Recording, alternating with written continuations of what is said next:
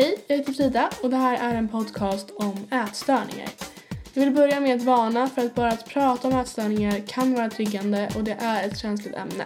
I det här avsnittet så ska jag intervjua Lisa. Hon kommer berätta om hur det var när hon hade ätstörningar för cirka 30 år sedan.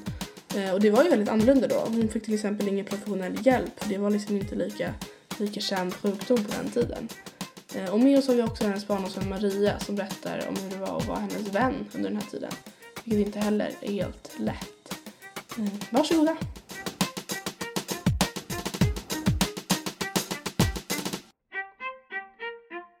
Hej. Hej. Hej. Hej. Och välkomna. Och vilken mjuk röst du fick på en gång. Tycker jag. Hej. Hej. Nu spelar vi in. Kan du pausa en gång? För att jag, Ja, jag pausar. Alltså, jag glömmer så. här sitter jag med mamma, Lisa. Hej. Hej. Och din barndomsvän Maria. Mm. Hej, hej. Hej, hej. Ehm, och vi ska prata lite om, ehm, om hur det var när du var sjuk, Lisa. Ja. Just det. Nu kommer jag säga ditt förnamn det kommer kännas superkonstigt. Men, Mm. Men Det har vi tydligt. övat på tidigare. ja, exakt. men det är lite mer tydligt. Jag säger Lisa här.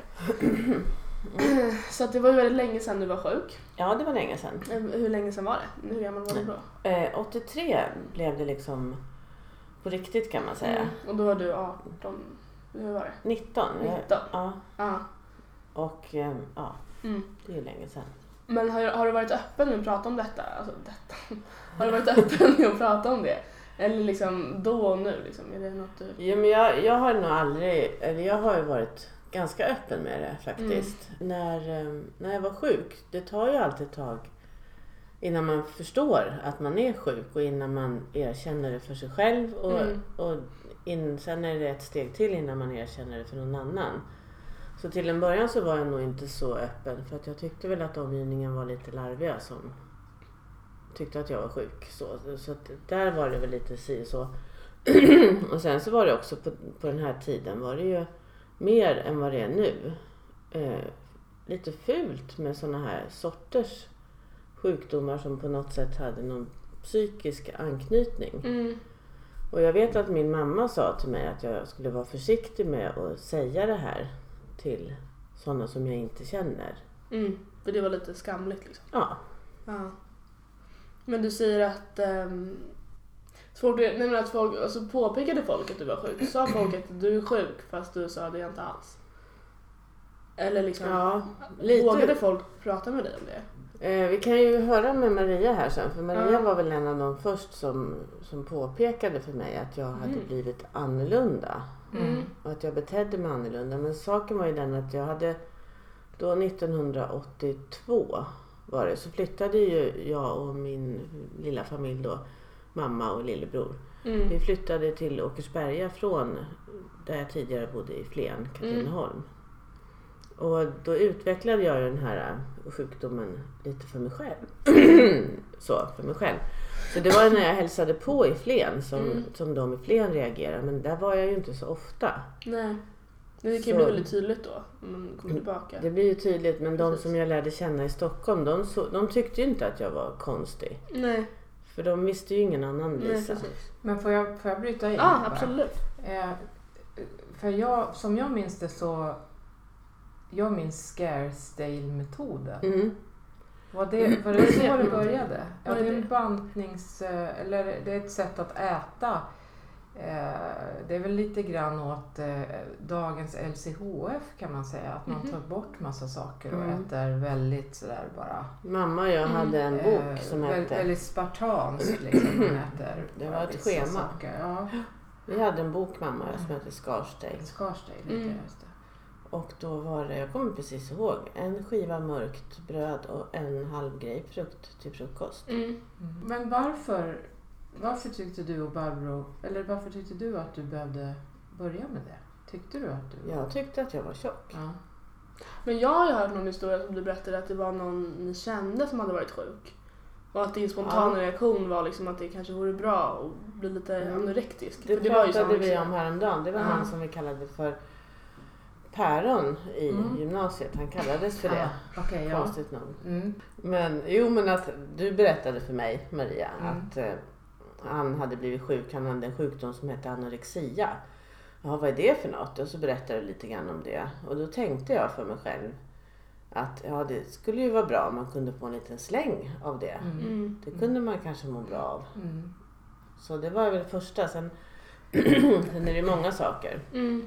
Men berätta mer om Maria, när, för som du Lisa säger, att det var du som liksom märkte att det var något fel. Vad var det som inte stämde? Nej, Vad var det du märkte? Jag tror att det var någon slags eh, någon filter sådär. Alltså Mm. att, det inte, att, att det var någon slags avståndstagande. Eller, Mm. men jag kände att det inte var vanliga Lisa utan det, det blev någon... Ja, och så, det, det, det blev någon... Eh, någon ja, det, det var en känsla att du inte var liksom riktigt dig själv. Att du var liksom lite glättig och lite så här ovanpå. Vi som har alltid haft en, en tät, eh, liksom ganska djup eh, Mm. relation sådär. Men tänkte du någonsin att det hade med er relation att göra? Att du tog det personligt? Eller Mm. Nej, jag tog, det tog det nog inte personligt. Nej, för samtidigt så såg jag att du hade gått ner väldigt mycket Vänta, förlåt, jag måste bara... Ah, Förlåt. Och samtidigt så såg jag ju att du hade gått ner mycket i vikt. Så det, var ju, det hade ju med det att göra, det förstod jag nog. Mm. Men... Eh, mm. Och sen så när man träffas så där så, så, är det ju, så är det ju mat inblandat. Om man fikar och Mm. man ska äta och sådär. Och då, då var det väl så att du hade dina grejer Mm. för dig. Men hur, hur hanterar, alltså hur, hur närmade du dig Lisa? Nej men jag, jag sa väl det att jag tyckte att det var jobbigt eller att jag upplevde att du inte var, att jag liksom inte fick den här kontakten. Mm. Tog Mm, du nog, tänker jag. tog du liksom, hur tog du det då Lisa? Vi, vi pratade faktiskt lite om det innan. För att jag, jag har tänkt på det där. Och jag kommer ihåg den gången som jag var hemma hos dig på Bondegatan i Katrineholm. Och det var i början. Och då sa du till mig att du tyckte att jag hade blivit konstig och att det var tråkigt att jag inte kunde äta som förut. Och du sa någonting, kommer du ihåg när vi gjorde cornflakeskakor? Och, då, och jag kommer ihåg att du var riktigt ledsen för att du, som jag förstår nu, att du saknade gamla Lisa. Mm. Men just i den stunden så kunde, förstod inte jag hur man kunde bli så ledsen över några corn, cornflakeskakor. Mm. jag, jag gjorde inte den kopplingen. Jag tyckte, Nej. Jag, tyckte det var lite löjligt som satt och grinade över cornflakeskakor Mm. faktiskt. Mm. Så jag hade inte den känslomässiga Nej, exakt. förståelsen. Nej, och det minns ju jag starkast att, att i, i min ledsenhet då fick jag skratt och lite hån tillbaka. Mm. Så det var, vi möttes inte alls Nej. för fem öre där. Men kände du liksom, du sa nu att du, så här, du tyckte det var larvigt med just corn, corn, corn flakes-kakorna. Men kände du någonsin att det är så här, att det kanske ligger någonting i det hon säger? Liksom att fast det var någon fasad? Eller du, du var liksom helt... Nej, jag, var så, Kall. jag var kall. Jag var som en annan människa. Mm. Och det är det som jag tycker är så otäckt med den här sjukdomen. Att man kan bli så avstängd på vissa plan. Det var eh, senare som jag också upptäckte att det var obehagligt att förlora så mycket känslor. För det är det man gör. Man förlorar känslor. Mm.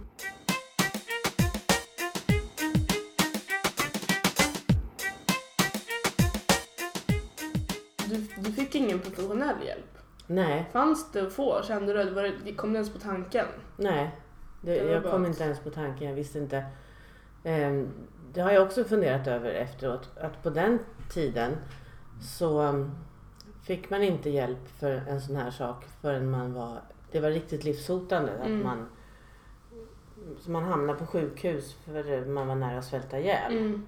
Och det, jag vet att jag hörde talas om sådana fall och att det var det är jättekonstigt för det fanns ju någonting lockande i det också att, att få den där, det var ju efter ett tag, men att få den där bekräftelsen att jag är sjuk. Jag Mm. vill också nästan hamna på sjukhus så att folk ser att jag är sjuk på riktigt. För det ligger väl ofta någonting i det att du börjar bli sjuk. Det kanske också var någon form av uppmärksamhet. Mm. Att du, Ja, Mm. och jag vet att alltså jag, omedvetet kanske, men ändå liksom... jag hittade sen eh, på apoteket så hittade jag en liten broschyr om anorexia. Och om du har eh, fem av de här tio punkterna Mm. så är du sjuk. Och jag hade åtta och Mm. kände ja, jag uppfyller kraven. Ja. Och jag, det är jättesvårt att förklara. Hur kan man bli glad för det? Men det kändes som att Det är ju jag lyckades. målet, liksom. Jag lyckades. Fick Ja. du mycket beröm för att, var det många som sa åh vad smal och fin du har blivit så? Innan du, innan du gick över gränsen, för du var ju väldigt smal Ja. sen liksom, innan det vände och du... Jo, det är klart att det, eh, jag vill inte anklaga min mamma för det här men det är klart att hon och jag bantade ju tillsammans Mm. Och peppade ju varandra. Mm. Så det är klart att hon peppade mig i början också. Mm. Och sen Monica och jag eh, hade telefonkontakt. Hon bodde också i Flen. Monica och en vän, En vän. Ja, en eh, gemensam vän till Maria och mig Mm. faktiskt. Men och Monica höll också på att banta och på telefon så pratade vi jättemycket bara om mat Mm. och kalorier och vikt. Mm. Det var det enda, vi kunde prata om det i flera timmar. Allt annat är ju, det är det enda som är intressant då. Men kände du Maria någonsin att du smittades av det här? Att du, hur på, du påverkades ju såklart som, som en vän, liksom, att du var orolig. Men kändes det som att, hur var det för dig att äta när du var med Lisa? Liksom, Ja, det var sånt? ju jättejobbigt, Mm. minns jag ju. Men så att jag, jag, och jag, jag har ju haft en annan mat problematik till mat och också liksom med överätning och så. Men Mm. jag, jag kände ju att jag blev jätteanti eh, den här sjukdomen. Jag, jag tror att jag reagerar jättemycket på Lisas mentala förändring. Jag blev ju bara arg och ledsen. Och du, du var ju lite så här småtaskig mot mig också då när du bjöd mig på när du köpte stora chokladkakor till mig som du ville att jag skulle äta. Det var väl liksom Mm. ditt sätt att njuta av det här som inte Absolut. du kunde göra längre. Liksom. Jag kommer ihåg att jag köpte en sån här Marabou mjölkchoklad modell Magnum på T-centralen i Stockholm på väg till Flen. Och satt och såg fram emot det hela resan. Att jag skulle få ge den här till Maria. Och det var ju inte av elakhet. Nej. Utan det var ju för att jag tänkte att du skulle bli glad. Ja. För du tycker ju om choklad. ja. Och du kan ju äta choklad. Ja. Det kan ju inte jag. För att jag äter inte choklad. Nej, precis. Och sen så när jag gav den till dig så sa du väl tack och stoppade ner den i väskan. Och då, ska du inte äta den Maria? Ja. Ja. Ja. Det, Och jag ville ju se dig äta den. ja, precis. Det är väl ett ganska en vanlig grej som man Jag hör tror bland det. många, liksom, att man vill njuta av att andra äter Ja. eftersom man inte själv... Många bakar, men det gjorde jag också. Mm. Bakar och grejer Ja. och håller på Ja, och det kommer fixar. jag ihåg att du bakade också. Ja. Och lagar Mm. mat. Och jag kommer ihåg den där festen vi skulle ha hos Caroline. En annan vän från Flen. Marias kusin. Eh, och då åkte vi och handlade. Det här var ju en bit in i sjukdomen. Ganska långt in. Och vi åkte och handlade. Vi skrev listor och vi förberedde och vi dukade. Och Caroline var så glad för att, det verkar, för att jag verkar så frisk. Mm. Och sen eh, när, vi, när alla gästerna kom och vi skulle äta så åt jag salladsblad och gurka. Mm.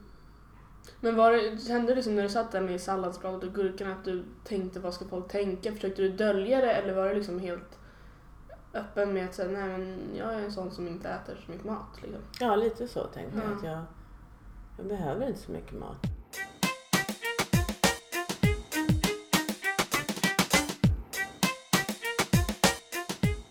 För det är ju väldigt stor skillnad för det här var 83, då ska vi räkna lite matte här, men cirka 30-40 år sedan. Mm. Ja, någonstans däremellan. Och det har ju hänt väldigt mycket Mm. sedan Ja. dess liksom. Hur tror ni båda två att ni hade hanterat det här om det skulle hända idag? Alltså om ni hade varit 18 idag vid förutsättet. Vad hade varit skillnaden? Jag hade nog eh, pratat med någon, kanske vuxen, men jag minns inte alls att jag pratade med mamma eller Inte med dina egna Nej. föräldrar heller eller så? faktiskt inte. Jag, jag tror inte det. Jag, jag tror att jag tog liksom fighten med dig, eller, ja, Mm. men inte att jag... Men det, det skulle jag nog ha gjort och frågat om råd eller Mm. liksom kollat upp mer. Nu kan man ju googla vad som helst. Mm. Det- det På den tiden fanns inte ens Google. så. Nej men Nej. precis. Att, att, att, eh, att ta reda på mer om Mm. sjukdomen. Nu, det var ju bara jättekonstigt nu. Men tror du det hade varit skillnad för dig, för dig Lisa om du hade fått professionell hjälp? Tror du att det hade liksom, hur blev, hur blev du frisk för det första? För idag kan vi säga att du är, Idag är jag Du- helt, ja. helt frisk. eller ja, för visst är det så, det kan vi också inflika, att helt frisk blir man ju knappt. Nej. Heller. Du måste ju ändå vara lite på din vakt, kan man, alltså Ja, även, jo, nu men så har det gått väldigt lång tid men liksom, Ja. det är ändå något som Jo men det kan jag ju säga, för några år sedan så provade jag en sån här LCHF-grej. Mm. Och då kände jag, jag kände igen en, någon sorts ångest och Mm. såna här tankar. Jag blev ju påmind om Mm. hur det var. Så det, var väldigt, det är väldigt obehagligt för mig att gå Mm. på en diet överhuvudtaget. Precis. Så. Men hur blev du frisk? Eh, ja, alltså jag vet faktiskt inte riktigt hur jag blev frisk. Men jag brukar, eh, jag brukar skylla på, eller på säga, eller tacka Nisse ganska Mm. mycket. För jag träffade en kille. Och jag var ju inte intresserad av honom för jag var inte intresserad av killar överhuvudtaget egentligen. Nej. Men han var, han var snäll och trevlig och rolig att umgås med. Och jag hade ju inte så mycket kompisar i Stockholm så att det var någon att umgås med helt Mm. enkelt. Och han gjorde ingen stor grej av att jag var smal för han tyckte kanske inte att jag var så uppseendeväckande smal och han visste ju inte hur jag hade sett ut innan. Nej. Så han tyckte om mig för den jag var precis där och då. Och det tror jag var väldigt nyttigt för mig. Då fick jag vara en ny människa utan att någon visste att jag hade varit någon annan. Mm. och sen så tyckte han att vi skulle gå och äta glass tillsammans och, och då gjorde jag det med honom. Och vi provade olika glassställen varje gång vi träffades. Det var, Men hur kom det sig att du, åt, du orkade äta glass då? jag vet faktiskt inte. Var det liksom från ingenstans eller var du ändå på bättringsvägen? Jag måste ju ha varit på bättringsvägen. Någonting, han måste ha gett mig så mycket uppmärksamhet Mm. Och, och kärlek Mm. som jag egentligen törstade efter. Mm. Och som gjorde att jag kände mig bättre och sedd. Och trivdes med att vara den jag var tillsammans med honom. Mm. Och så småningom så fick jag tillbaka min mens. Mm. Och det var ju, det är ju en grej när man förlorar, när man inte haft mens på ett år. Mm. Då förstår man ju att man är sjuk. Och så var jag väl rädd att det skulle bli bestående och att jag aldrig skulle kunna få några barn. Mm. Och då kände jag att den dagen jag får tillbaka min mens, då är jag frisk. Mm. På något sätt. Mm. Och, det, och då förstod jag väl också, när jag fick tillbaka min mens så förstod jag ju också. Då är man ju så mentalt tillbaka. För då har ju all, allting börjat fungera igen. Mm. Även i huvudet. Mm. Och då förstod jag nog också hur sjuk jag hade varit. Mm. Mm. Tror jag.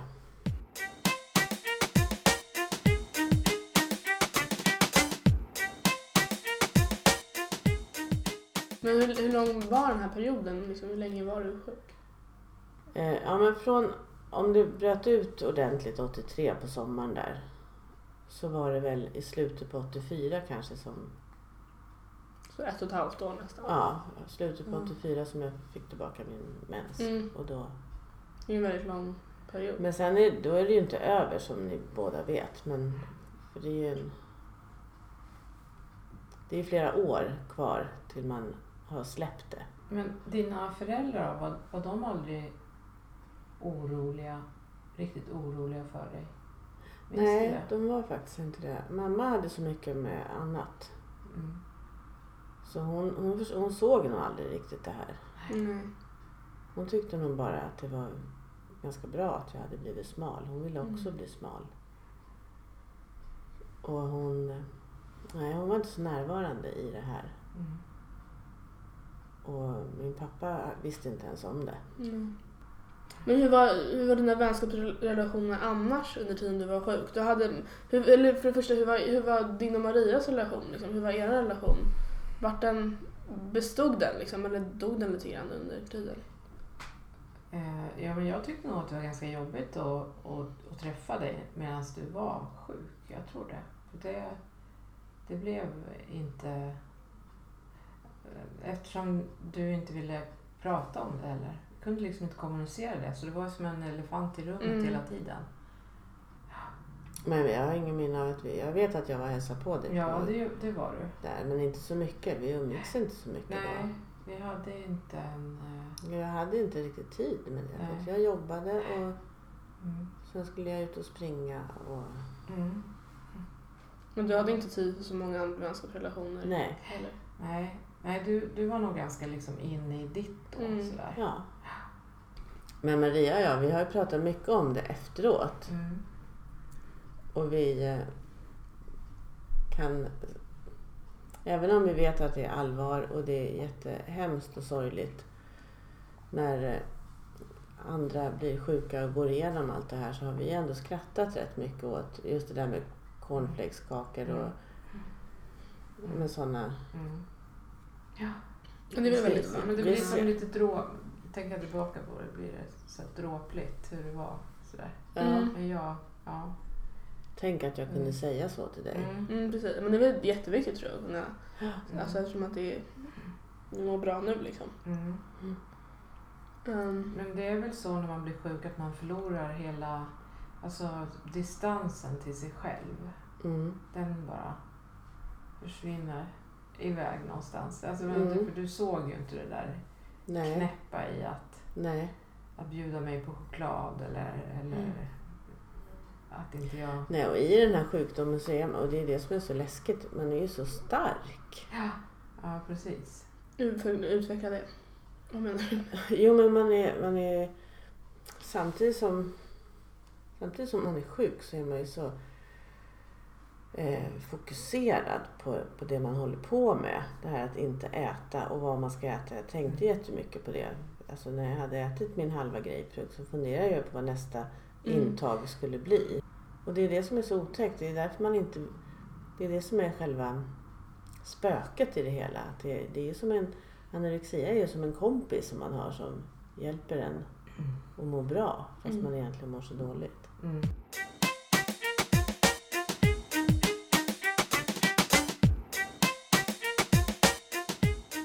Men just det här ordet anorexia, du, det är ju liksom, den termen är ju liksom att då svälter man sig själv. Liksom. Mm. Men du gjorde mer.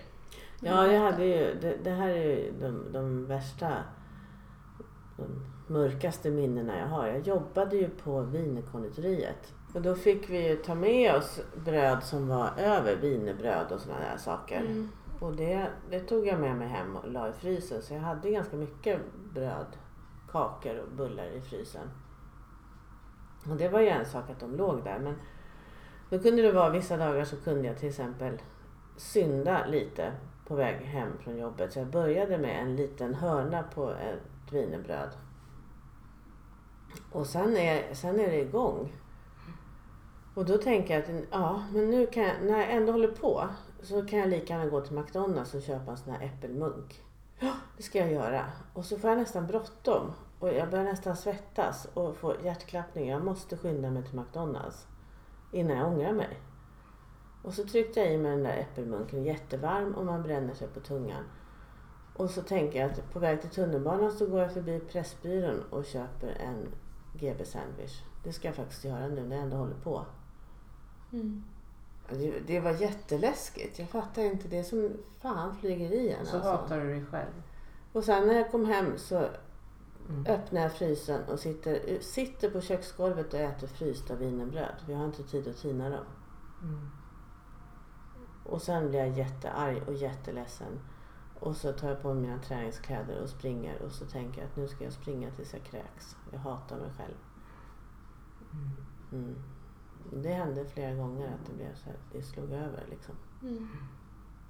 Men om, om jag liksom om vi spekulerar lite i liksom, vad tror ni, alltså eftersom ni båda kan relatera till att ha ätstörningar fast av olika Mm. slag.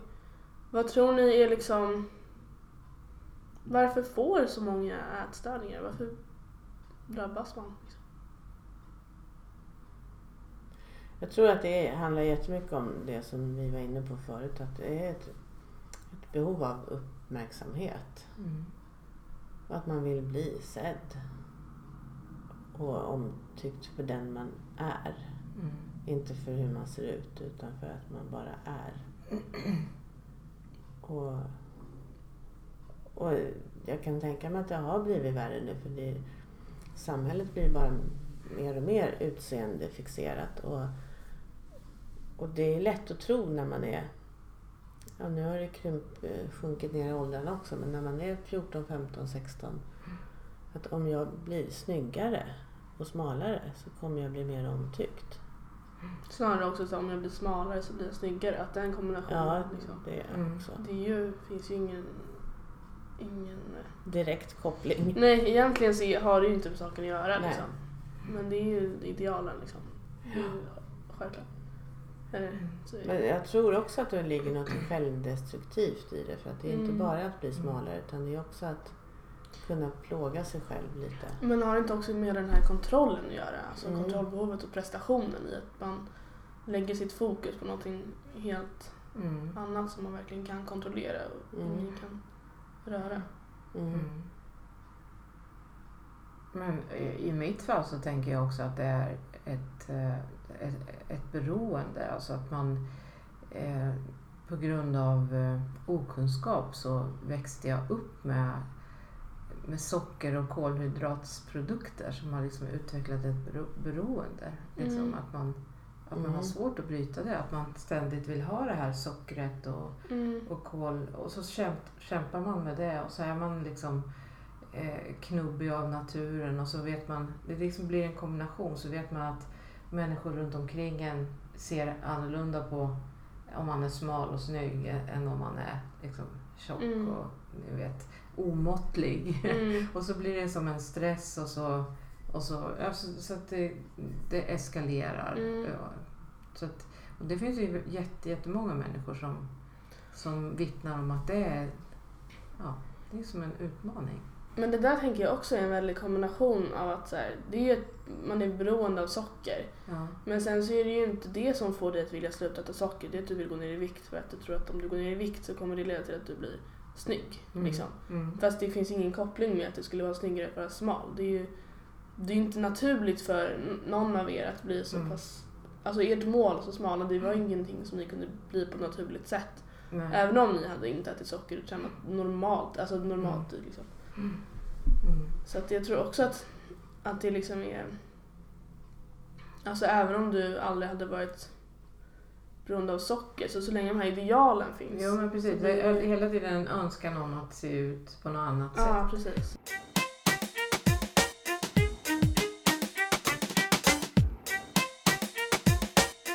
Nej, men jag inser nu när vi pratar om allt det här hur känsligt ämne det är så tänker jag på om någon lyssnar på det här liksom att man måste göra en ordentlig varning, varning innan för det är ju verkligen känsligt. Det kan vara så känsligt, men det finns så himla mycket som tri- kan trigga Mm. en liksom. Mm. Ehm, Mm. och att det är, någon, det är någon slags balansgång där. För att jag, jag tror ju verkligen på att kunskap är nyckeln till att liksom, vi ska få bort den här sjukdomen också. Liksom. Mm. Men att det finns någon, måste hitta en balansgång att prata om det som någonting, Mm. att inte romantisera det. För att jag minns när jag var, nu är jag ung nu också, men när jag var ännu yngre. Att det kunde nästan vara lite så här, "Aj, du är lite ätstörd. Att det, det Mhm. kan nästan vara någonting som är lite så här, Mm. Det är lite cool. lite, liksom. lite cool, lite så här, men lite bra. Alltså så på något Mm. sätt nästan. Och att hela den bilden måste ju, alltså, måste ju det är ju inte lätt, det var inte lätt för dig att bli frisk. Liksom. Det, är, Nej. det är inte lätt och Nej. det är jättesvårt. Du har en men för det här resten av livet. Alltså det är Ja. klart att det är, Mm. måste liksom uppmärksamma hur fruktansvärt det är. Liksom. Mm. Aldrig... Och sen det att vi, att vi skrattar åt det nu men ändå när man inser hur dum man har varit. När man, bara det, det är en sorg också att jag har gått omkring och varit elak mot mina vänner Mm. i ett och ett halvt år. Mm. Och ingenting var, ingenting var roligt. Det, var ju, det är klart jag hade ångest när jag fick såna här hetsätningsperioder men, men det, gick ju, det gick över sen när jag hade sprungit och, och liksom straffat mig själv. Men just det där som, man kan känna, som jag känner nu och som jag tycker att livet handlar om. Att få vara jätteglad men också få vara jätteledsen. Och titta på en film kanske och bli berörd och känna att nu kan jag inte låta bli att gråta. Nu måste jag Mm. gråta för jag blir så berörd. Mm. Att få känna känslor liksom. Att känna, kän- jag gjorde inte det. Jag hade inga känslor. Om det inte handlar om mat så var det inte... inte Man är inte berörd. Alltså, nej, vi det- behöver inte jag- prata om nej. det. För det är ingenting som är intressant om det inte... Ska Mm. vi äta där då? Jaha, vad ska vi äta då? Mm. Vad ska du äta? Ska du äta det? Mm. Varför ska du äta det? Mm. Och vad ska jag då äta? Det ska inte jag berätta för dig för det ska jag hålla hemligt men jag ska räkna ut det under tiden som du berättar vad Mm. du ska äta. Det är inte romantiskt. Nej, det är det inte. Och det är inte att leva. Nej. Men det finns väldigt mycket mer.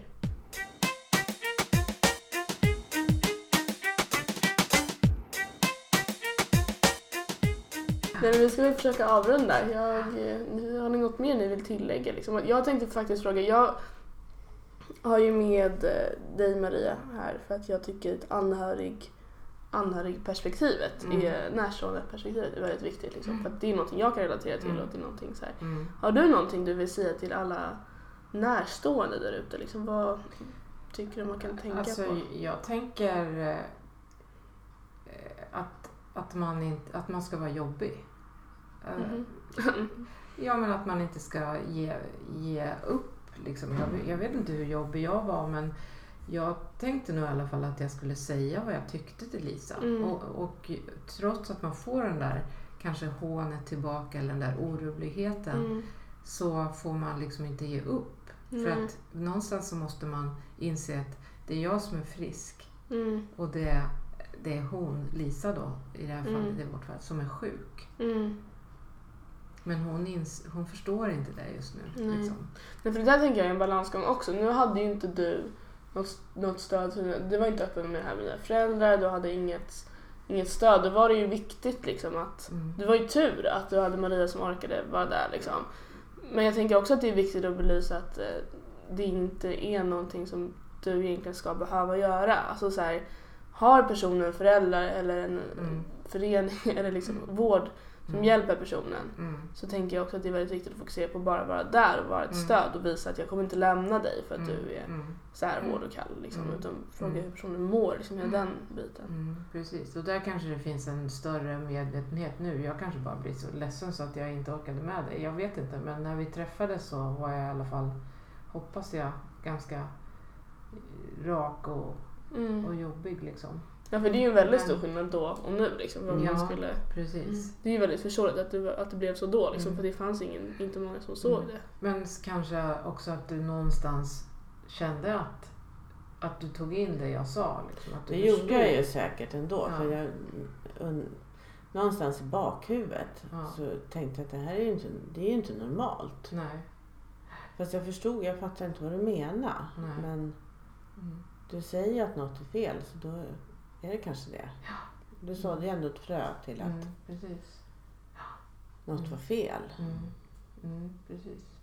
Nej, men det är så, så det är väl att orka stå kvar. Mm. Både att eh, försöka fortsätta och, och, och peka på vad som är att det finns en, alltså att det finns något sjukt Mm. i beteendet och sen tycker jag var väldigt bra det du sa i början här. Att du, du reagerade på att jag, jag känner inte igen dig som person, jag får ingen kontakt med dig. Nej. Att den biten, det är väldigt viktigt att man fokuserar på Mm. den personliga biten och Mm. inte så jag ser att du har gått ner så mycket i vikt, jag är orolig. Att det Mm. kan man liksom lämna det. utanför för det vet ju Lisa, du vis- visste ju om det. Liksom. det Ja, det var ju bara tack så mycket. Ja. Ja, precis. Det, Ja, ja, det, men det är exakt. ingenting man behöver säga till. Liksom. Men att jag känner att du är kall, jag känner att jag inte får någon kontakt med dig.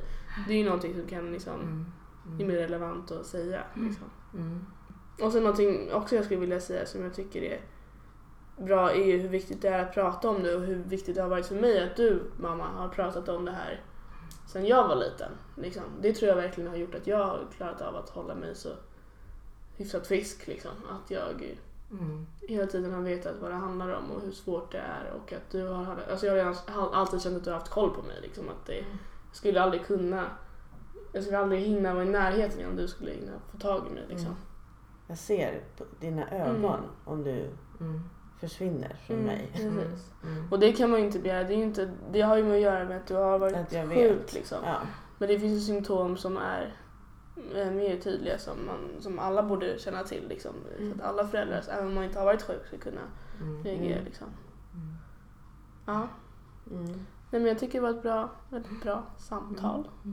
Tack, det var jättekul att, att få Ja, bidra och prata om det, verkligen. Ja. Viktigt ämne. Verkligen. Mm. Väldigt tacksam att ni ville vara med Mm. Också. Mm. Tack. Tack. Tack, tack.